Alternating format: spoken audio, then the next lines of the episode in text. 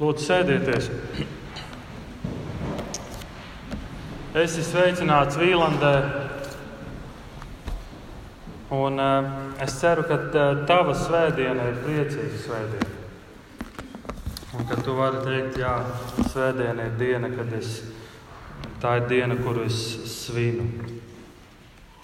Es esmu Raimons, es esmu viens no šīs draudzes diekoniem, un tu esi tu, un tu esi noteikti jauks cilvēks. Un, un mēs šeit esam kopā, lai, lai lasītu un lai domātu par eh, kādiem vārdiem, ko saka Jēzus. Un eh, mums šeit Vīlandē ir sava veida tāda liturģija, ja tā varētu teikt.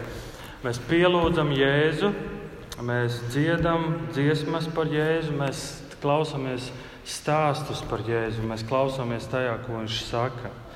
Un, eh, un tev noteikti tas nav nekāds pārsteigums. Katru svētdienu tu atnāc Jēzus un Jēzus. Un, un tas ir tāpēc, ka Jēzus ir centrālā persona Bībelē. Jēzus ir centrālā persona kristietībā. Un Jēzum, mēs ticam, ka Jēzum jābūt centrālai personai tavā dzīvēm. Šodienas Bībeles teksts ir no Mateja evaņģēlīja 13. nodaļas, 44. līdz 52. pants. Trīs līdzības, četras līdzības atvainojas. Debesu valstība ir līdzīga tīrumā apslēptai mantai, ko cilvēks atradis noslēpj un ar prieku iet un pārdod visu, kas tam ir, un iegādājas šo tīrumu. Vēl debesu valstība ir līdzīga tirgotājiem, kas meklē labas pērles. Atradis vienu ļoti vērtīgu, viņš iet un pārdod visu, kas tam ir, un iegādājas to. Vēl debesu valstība ir līdzīga jūrā izmestam tīklam, kurā saķer dažādas zivis.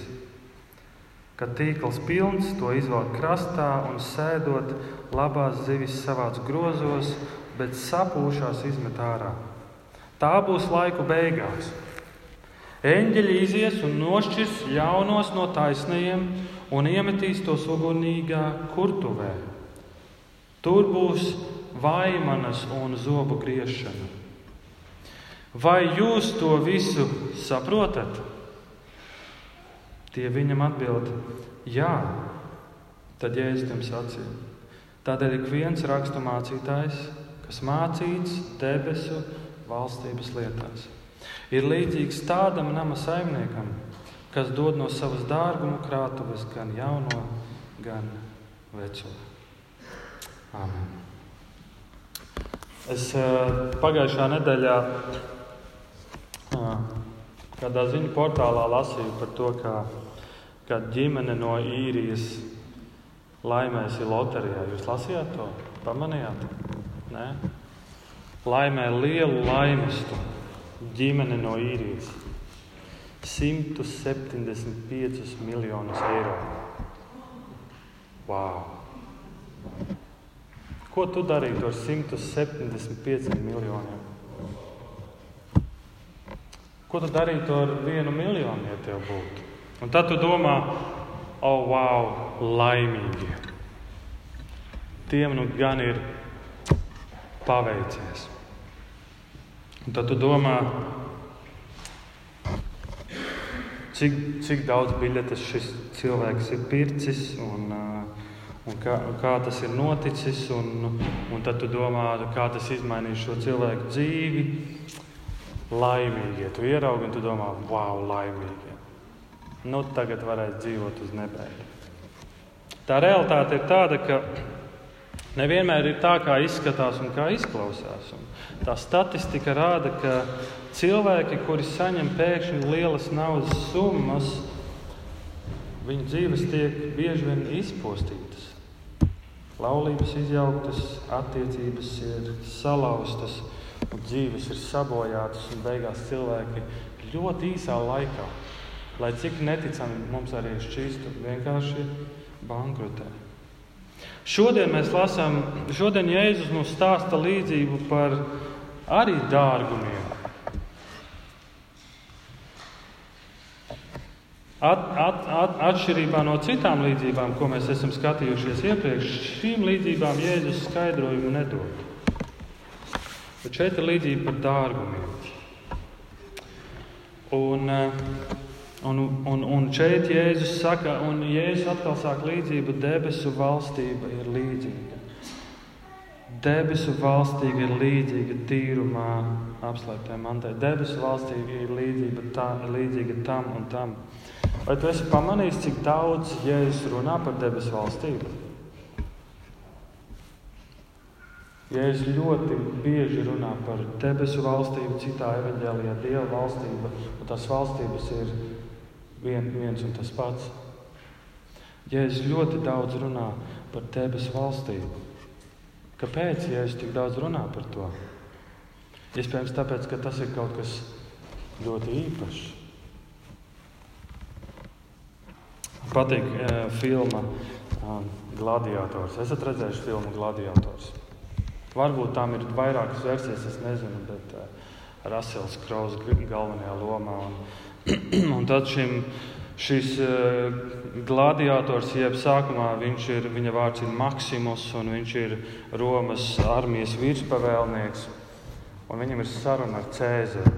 Viņš iet Cēzara teltī un uh, Un Cēzars viņam jautā šo jautājumu, un, un pastāst man par savām mājām. Un tad šis karavadonis sāk pamazām stāstīt par savām mājām, kas atrodas kalnienē, skaistā vietā, kur aug āboli un cūkas ganās. Un zeme ir tik melna kā viņa sievas mati Un dēls ved izjādē zirgus, un, un, un šis ir tik dedzīgi sāk stāstīt par savām mājām, ka šis cēzars apbrīno un saka, wow, tās ir mājas.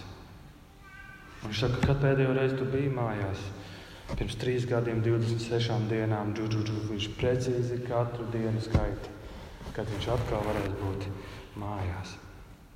Un reizēm liekas, ka Jēzus debesu valstība ir kaut kas tikpat līdzīgs, ka viņš to stāsta tik dažādos veidos. Viņš to parāda tik dažādos veidos, lai mēs ieraudzītu un saprastu, kas ir debesu valstība.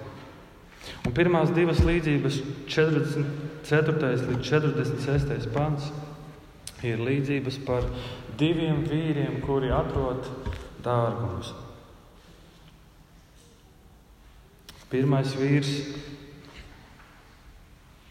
atrod tīrumā apslēptu mantu. Viņš to noslēpj un ar prieku iet un pārdod visu un iegādājas šo tīrumu. Un šis otrs vīrs ir tāds, kurš meklē labas pērles, tāds tirgotājs. Otrs vīrs ir tirgotājs, kurš meklē labas pērles un atradis vienu ļoti vērtīgu. Viņš iet pārdot visu, kas tam ir un iegādājas to. Tajā laikā ekonomika bija citādāka. Ja tev bija nauda, tu to neinvestēji. Bankas arī nebija, un kur glabāt uz procentiem. Cilvēki vienkārši bagātības slēpa. Viņam bija zemes gabaliņš, viņš savā zemes gabalā atrada vietu, kur noslēpt izroku un noslēpt. Kāpēc viņi tā darīja? Tāpēc, ka reizēm e, romiešu karēji varēja ienākt un iz, izložņāt to māju, un, ja bija kas vērtīgs, viņš varēja vienkārši to paņemt. Vai zāģi varēja paņemt, un tāpēc vērtīgās lietas, bagātības vienkārši slēpa. Vienkārši slēpa. Un citi varbūt vēl uzzīmēja karti vai uzrakstīja aptuveni, kurā vietā tas ir un kā tas ir un tā tālāk. Un tas nebija tikai senos laikos, arī es tā esmu darījis. Jūs esat tā darījuši, slēpuši mājās naudu, atraduši paslēptu. Es, kad biju mazs, es atceros, es saņēmu savus piecus pirmos latus. Nu, labi, varbūt tie nebija pirmie, bet bija, tie bija tik ļoti vērtīgi. Un tam mums bija tāda aizskara stanga, un tur bija tāds korķītis galā, un es tur saliku piecas latiņas un, un noliku. noliku tā noslēpu, lai it sevišķi lielais brālis, lai neatrastu. Un es uzzīmēju bultiņām it kā, kur tā nauda ir. Un tad es domāju, man vēl tā kārta ir jāslēpj. Un tad vēl atcerēties, kur to kartu noslēpt, un tad vēl kur to naudu. Un es ļoti uztraucos, vai es tur atradīšu vai nē. Un mana māsa bija tā, kurai es uzticējos un teica, lūk, karte, šī te nevis noslēpta, slēptus nevienam, nevienam nesaki.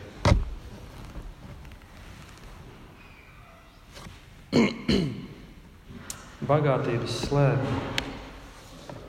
Tā doma, galvenā doma nav par slēpšanu. Šis, šī līdzība ir par diviem vīriem, kuriem varētu šķist, ir paveicies. Vai viņiem ir paveicies? Jā un nē.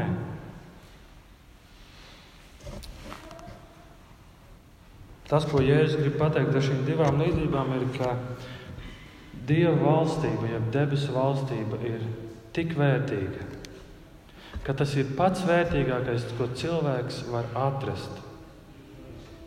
Pats vērtīgākais, ko cilvēks var gūt. Un tad, kad cilvēks to atrod, viņš ir gatavs atdot visu.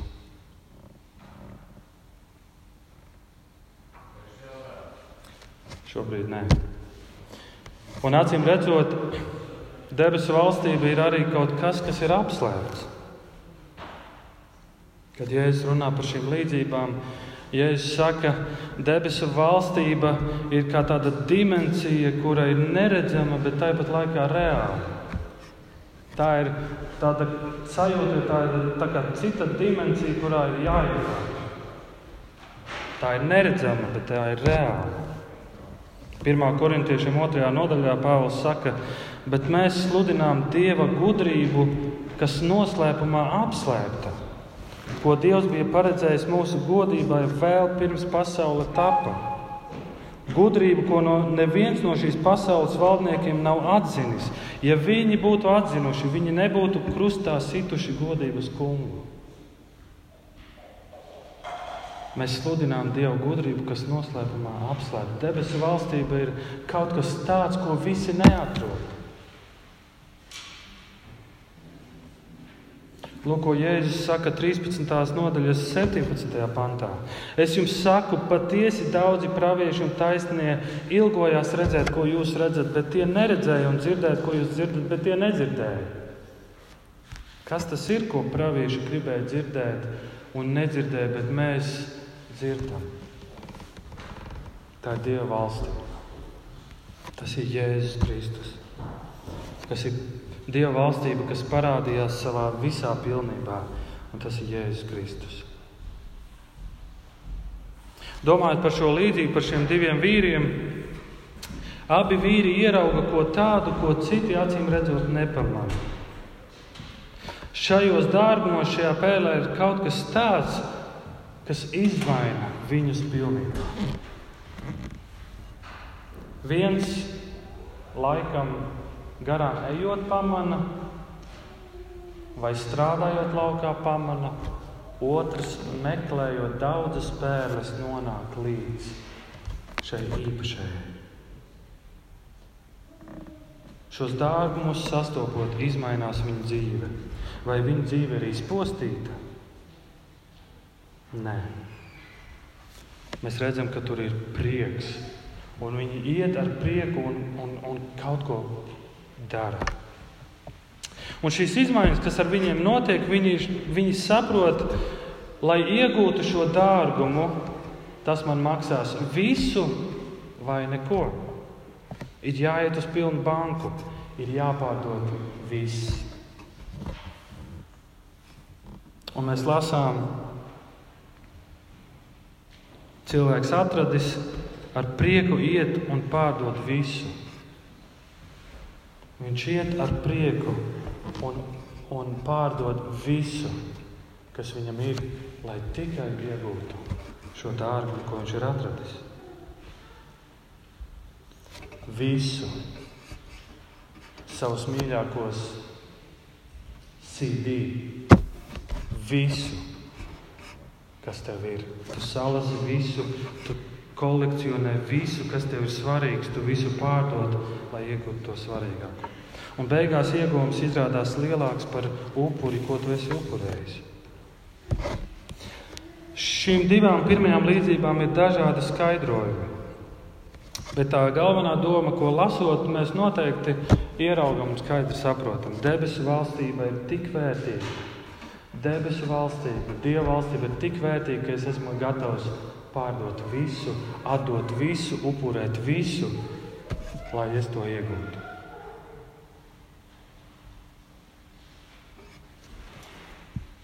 Šie līdzības vārdi, ko Jēzus saka, nav pretrunā ar vārdu, citiem vārdiem, ko Jēzus ir teicis. Jāņa 15.5. Jēzus saka, es esmu vīna koks, jūs esat zari, kas manī paliek, un es viņā tas nes daudz augļu, jo bez manis jūs neko nespējat darīt. Jēzus šeit, šajā līdzībā par šiem vīriem, kuri iet atrod bagātības un tagad iet pārdot visu, nerunā par to, ka tagad mēs Dieva valstību varam nopirkt, Dieva valstību varam nopelnīt vai citādāk iegūt. Jēzus stāsta līdzību par pazudušo dēlu, kurš paņem visu mantu, aiziet un, un, un nodzīvo savu dzīvi tā, kā viņš to grib. Beigās paliek bez nekā. Un tad viņš pie cūku silas nokļūst. Un tas ir tas, kur mēs nokļūstam, kad mēs dzīvojam tā, kā mēs gribam. Pie cūku silas nokļūst, viņš saprot, ka tur ir tēvs, un es iešu un es izlūkšos, kā tas varētu būt viens no viņa kalpiem. Un viņš iet pie tēva, un tēvs skrien viņam pretī un apkamp un priecās, ka dēls ir atgriezies uz laiku redzenu, dārgākās drēbes un uztais tādu mīlestību. Vai viņš bija to pelnījis? Viņš nebija to pelnījis. Bet dēls saprata, ka man jāatgriež pie tēva, jo tur ir kaut kas, kaut kas īpašs. Iesēs 55. nodaļā ir rakstīts, ak, visi, kam slāpst, nāciet pie ūdens. Kam nav sudraba, nāciet, pērciet un ēdiet, nāciet un pērciet sudraba nevajag, par velti ņemiet vīnu un pienu Kādēļ jūs maksājat, kādēļ jums maksāt sudrabu par to, kas nav maize, atdot savas pūles par to, kas nedod sāta? Klausieties, klausieties uz mani! Tad ēdīsiet krietni, līksmos treknumā jūsu dvēseles. Pievērsiet man savu ausi un nāciet pie manis, klausieties, un jūs būsiet dzīvi. Es slēgšu ar jums mūžīgo derību. Dāvidam dotajai žēlastībai var uzticēt. Dievs ir kungs un Izraels svētais. Viņš cels tevi godā. Meklējiet kungu, kamēr viņš atrodas, piesauciet viņu, kamēr viņš tuvu. Jēzus saka, nāciet un pērciet bez maksas. Ko tu kaut ko tādu esi dzirdējis? Kas tā ir par ekonomiku? Kas tas ir par biznesmeni?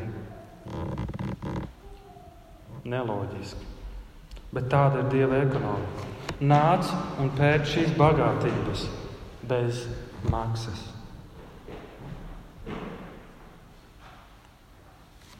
Man liekas, šīs divas pirmās līdzības par šiem vīriem, kuri atrod bagātības, runā par to, ka parāda to, ka mēs visi kaut ko meklējam. Mēs visi meklējam prieku. Mēs visi meklējam piepildījumu dzīvēm. Mēs visi meklējam kaut kādas bagātības. Ir tāds dziedātājs Robijs Viljams, un viņš ir sarakstījis, eh, es nezinu, vai viņš vai par viņu ir sarakstīta uh, biogrāfija par viņa dzīvi, un nosaukums laikam bija Feel, jūti. Un šis jautājums ir, Un tiek uzdots viņam viens jautājums, un šis jautājums skan šādi: Kā ir būt vienam no pasaulē bagātākajiem cilvēkiem? Ko, kā ir, kā tu jūties? Un tā atbilde ir: Es jūtu tukšumu. Es jūtu tukšumu. Fredijs Merkūrijs ir jautājis arī šo jautājumu. Vai dzīvē ir kaut kas vairāk, vai dzīvē ir nozīme?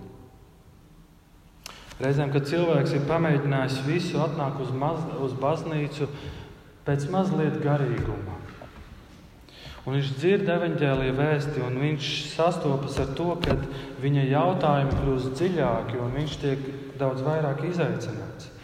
Tiek izaicināts uz daudz ko vairāk. Evaņģēlījis viņu izaicina. Evaņģēlījis parādīs tavu vājumu, parādīs tavu nespēju, parādīs, ka mēs nespējam neko, lai būtu garīgāki, lai būtu pareizāki, lai būtu tuvāki Dievam. Evaņģēlījis parādīs, ka patiesībā esam grēcinieki. Mēs visi. Un evanģēlis jautā, ko tu vēlies? Apstājies, iedziļinies, atzīsties, uzticies debesu valstības ķēniņam, un viņš tev dos kaut ko tādu, ko tavs prāts nespēja aptvert. Un pēkšņi tu ieraudzīsi citas vērtības, citas bagātības, kas ir tavai dvēselē. Un ne tikai. C.S. Lewis, Latvijas laikam būs Karls Staples Lewis, ir teicis šādus vārdus: Iedomājies sevi kā dzīvu māju. Dievs ienāk, lai pārbūvētu šo māju, Sākotnēji tev šķiet, tu zini, ko viņš dara. Viņš salabo šķirbas un plaisas. Tu zināji, ka tas ir jāpaveic, tāpēc nebija pārsteigts. Bet tad pēkšņi tagad viņš sāk naglot un veidot māju tā, kā to nebija gaidījis. Ko viņš dara? Izskaidrojums ir vienkāršs. Viņš sāk būvēt tādu māju, kādu nebija pat, kādu nebija pat iedomājies. Viņš pēkšņi sāk pievienot papildus sienas, grīdas, torņus sāk celt. Sākas rakšanas darbi ārpusē, kas paredzēts dārzam. Tu domāji, tu tiec veidots par mazu, ērtu māju. Bet viņš būvē pili. Kāpēc? Jo viņš ir ieplānojis nākt un tajā dzīvot. Lūk, kristīgās vēstures skaistums, pats Dievs veido tevi, lai nāktu un mājotu tevi. Šī līdz, šīs abas līdzības stāsta par to, ka kristietība ir par ieiešanu citā dimensijā. Kristietim nozīmē būt, būt kristietim nozīmē ieiet Dieva valstībā. Un nav citas dimensijas pa vidu, nav neitrāla dimensija. Vai nu Dieva valstība, vai kaut kas cits, ko mēs parasti negribam minēt.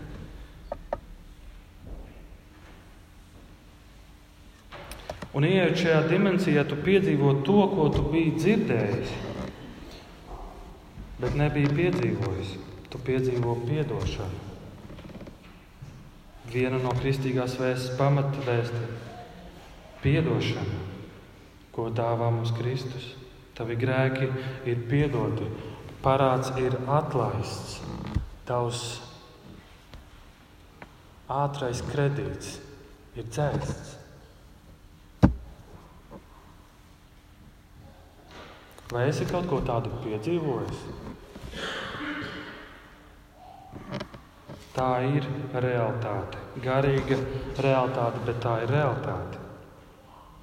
Ja tu neesi kaut ko tādu piedzīvojis, tad tu piedzīvosi citu garīgu realitāti, kas ir vainas apziņa, nežēlīgu spēku izlietojums, lai izpatiktu kādam, garīgs cietums.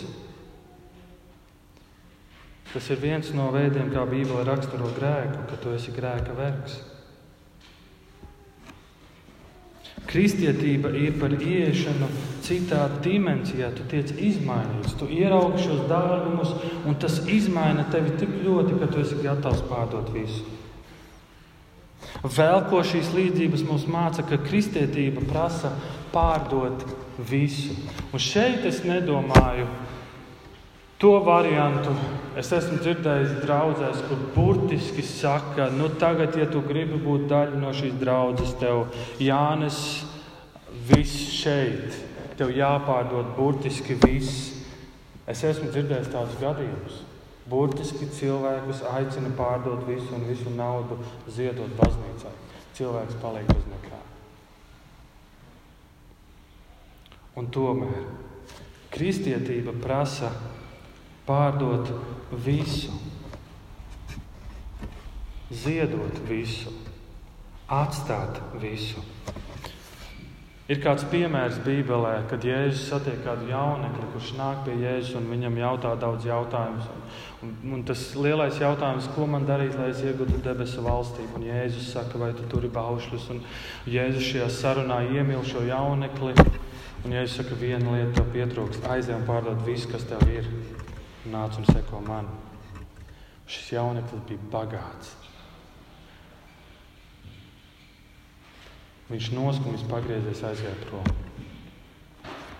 Un mēs varētu domāt, līdzības ļoti skaidras. Debesu valstība ir tik vērtīga, ka tev ir jādod viss, jāpārdod viss, ka tev jāziedo viss. Vienkārši vēsts, vienkārši vārdi, vienkārši uztveram vēsts, vai ne? Un tad, kad tu iedziļinies, tu sāc domāt, un saprast, ka šī ir arī ļoti izaicinoša vēsts. Bībeli saka, mēs visi esam grēkojuši, un Bībelē Dievs ļoti daudz runā par tādu lietu kā elgdievība.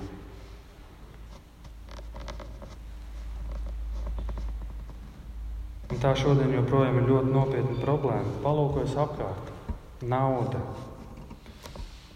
varas kāra, mantkārība, lietas, izskats status sabiedrībā, darbs, attiecības, hobiji, mērķi, mani mērķi. Un tie var būt ļoti garīgi mērķi, visāda veida atkarības. Kādi no elkiem ir ļoti acīm redzami, un mēs varam teikt, tie ir grēcīgi, bet kādi elki mūsu dzīvē var būt ļoti nemanāmi mēs pat nepamanām.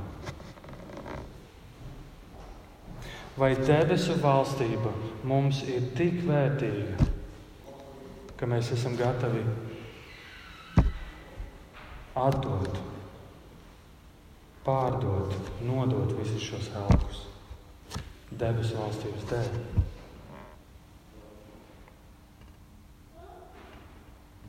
Vai tā ir tik vērtīga?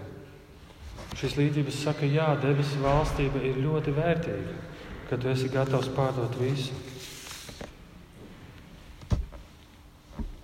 Kristietība ir par to, ka tu atdod visu. Tas izmaina tavu dzīvi. Un vēl kristietība ir par to, ka tas, ko tu saņem pretī, ir prātam neiedomājama greznība. Šie, šie vīri ir gatavi upurēt visu, bet viņi to dara ar lielu prieku. Tas nozīmē, ka šī izmaiņa notiek iepriekš. Viņš ierauga, viņš ierauga, cik tas ir vērtīgi, un viņam ir tāds prieks, ka vispārējais, kā Pāvils reizēm saka, vispārējais Jēzus dēļ ir mēsli, zaudējums. Jo tāpēc, ka es esmu atradis kaut ko tik vērtīgu un tik dārgu. Prieks ir tas, ko mēs piedzīvojam. Kristietība ir par prieku, mums būtu jādzīvo priekā. Starp citu, mums, kristiešiem, būtu jābūt priecīgiem. Cik no jums ienāca baznīcā ar lielu smaidu un prieku?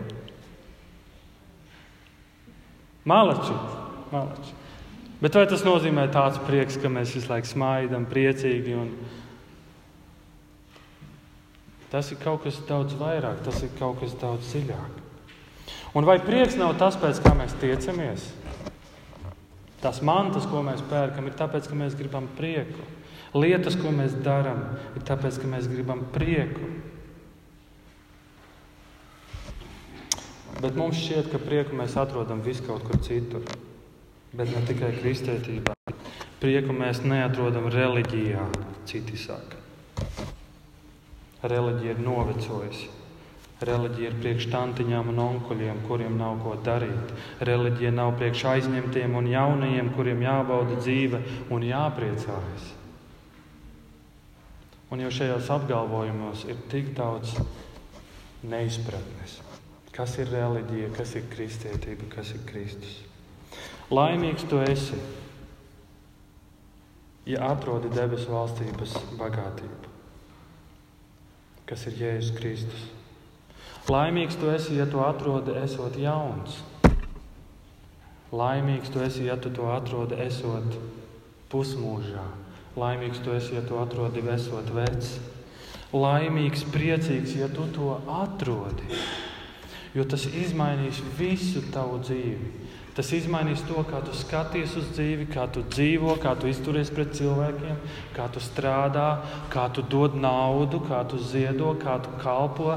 Tas izmainīs visu. Jo tu esi atradis kaut ko tādu, kas izmaina visu tavu dzīvi. Kristietība nav par nejaušību vai veiksmi. Paveicās, nolaimēja miljardus, miljonus. Kristietība ir par žēlastību. Ja tu šodien vari apgalvot, jā, es ticu Jēzum Kristum, un es esmu izvēlējies viņam sekot, tā ir liela dieva žēlastība. Bet ar ko lai sākam? Ar ko lai sākam? Kur lai es meklēju? Mātei 4.17. No šā laika Jēzus sludināja: Atgriezieties no grēkiem, debesu valstība ir klāta. Debesu valstība ir atnākusi, tā ir šeit, tā ir klāta. Tāpēc ar ko sākt? Nožēlot. Ieskaties dziļi, pārbaudi sevi. Pārbaudi sevi. Atzīsties un nožēlot. Sāc ar nožēlu, iedziļinies.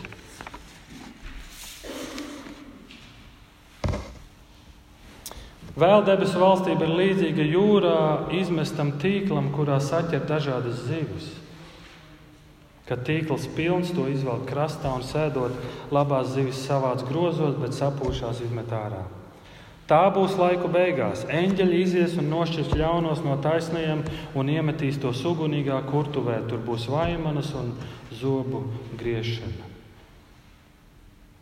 Un šajā pat Mateja evanģēlīja 13. nodaļā Jēzus runā un mācekļiem skaidro vēl kādu stāsta citu līdzību. Un viņš saka kādu līdzību, ko viņš līdzīgi ir teicis iepriekš, par ko jau mēs runājam.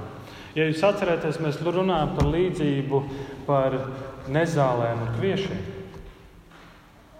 Un Jēzus šeit runā par stāsta līdzību par tīklu, kurš tiek izmests un dara savu darbu un savāc visāda veida zivis. Tajā laikā bija dažādi veidi, kā zvejoja zivis. Bet šis veids, ko Jēzus stāsta, ir šis ir liels, liels tīkls, ļoti plašs ļoti dziļš, aptver daudz, un viss, un kad šis tīkls iet pāri un ir pilns, paņem visu, kas ir ceļā. Labas zivis, sliktas zivis, visādus atkritumus. Un izvelk ārā, un cilvēki nosēžas un sāk šķirot. Un Jēzus šo līdzību stāsta, lai parādītu, kā būs pēdējos laikos. Un Jēzus šo līdzību stāsta, lai parādītu to lielo, pilno bildi. Jā, debesu valstība ir kaut kas skaists, kaut kas labs. Debesu valstība ir kaut kas tik vērtīgs. Ja mēs to apzināmies, ja mēs to satveram, ieraugam, mūsu dzīve ir prieka pārpilna. Bet debesu valstība ir līdzīga kā tādam tīklam Evanģēlīja vēsts, kas tiek sludināta, sludināta visā pasaulē, un šī vēsts savāc visāda veida cilvēkus kopā. Un tad nāks tiesa. Šī līdzība ir par to, ka Jēzus saka, nāks tiesas diena, kurā tad pateiks, kuras ir labās zivis un kuras nav labās zivis. Eņģeļi būs starp citu tie, kas to nošķirs. Sliktās atkritumos dedzināšanai, labās dievu godam. Un tāpēc ir svarīgi, ka tad, kad mēs sludinam evaņģēliju, stāstam cilvēkiem, mēs stāstam pilnu vēsti. Kas ir debesu valstības skaistums un vērtība, kas ir debesu valstības cena. Un stāstīt cilvēkiem, ja tu domā, ka tu būsi tā mazā zivs, kas tiks cauri tīklam un izspruks cauri, tad tu maldies. Debesu valstība neatiecas tikai uz reliģiskajiem un uz kristiešiem. Tā ietekmē visus cilvēkus. Un beigās būs tiesa. Taisnie tiks tiesāti un netaisnība tiks tiesāta. Šodien mēs gribam, lai netaisnība tiek tiesāta. Mēs pēc tā ilgojamies. Cik daudz vairāk Dievs? Jēzus nāks atkal. Un tas jautājums ir, ko tu darīsi ar Jēzu? Ko tu darīsi ar šo vīru, kurš saka, kurš ir Dievs? Un beigās Jēzus stāsta vēl vienu līdzību, un Jēzus sāk ar jautājumu: Vai jūs to visu saprotat?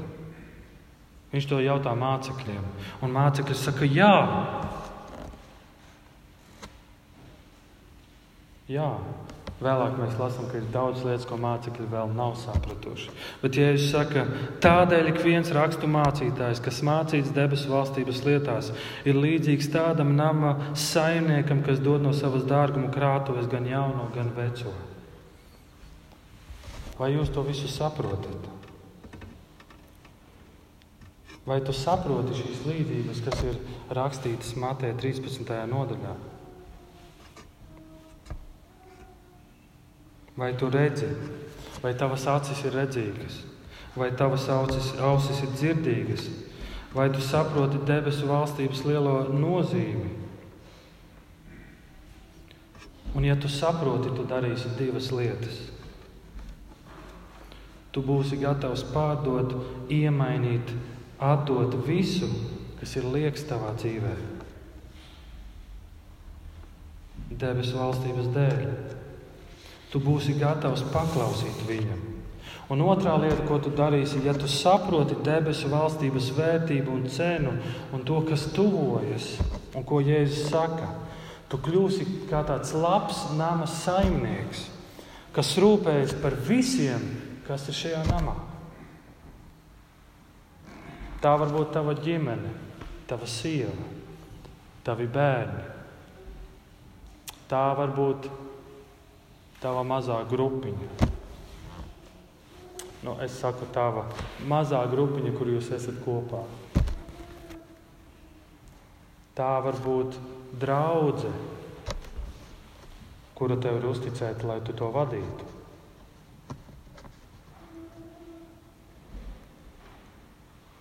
Draudzē mēs esam ļoti dažādi. Kāds ir nobriedušāks, kāds nē. Un, un draudzē viena no lietām, kam, ko, ko Jēzus grib redzēt, ir, ka notiek mācekļošana, ka mēs mācekļojam viens otru. Mēs palīdzam augt, lai debesu valstība ir plašumā.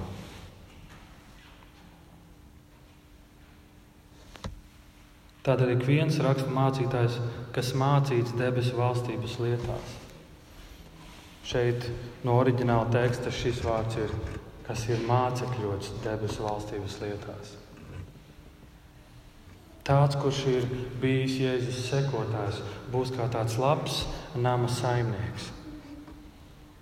Ja tu atrodi kaut ko ļoti vērtīgu, es nelietošu šo piemēru, ja tu ietu pa ielu un atrastu zāles pret aici ko tu darītu. Bet, ja tu atrodi kaut ko ļoti vērtīgu, ja tu dzirdi labas ziņas, ko tu dari?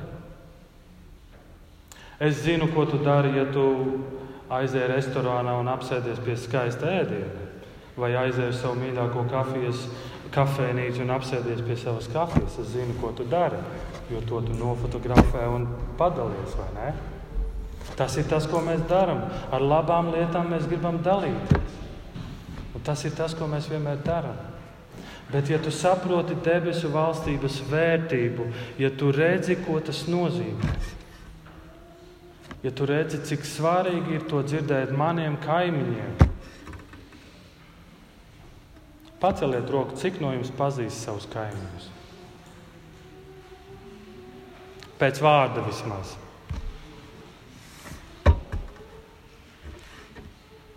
Ja tu redzi to nozīmi, tad mūsu uzdevums ir stāstīt citiem šo debesu valstību. Cik tā ir liela vērtība un cik briesmīgas sekas var būt, ja mēs nepievēršam tam uzmanību.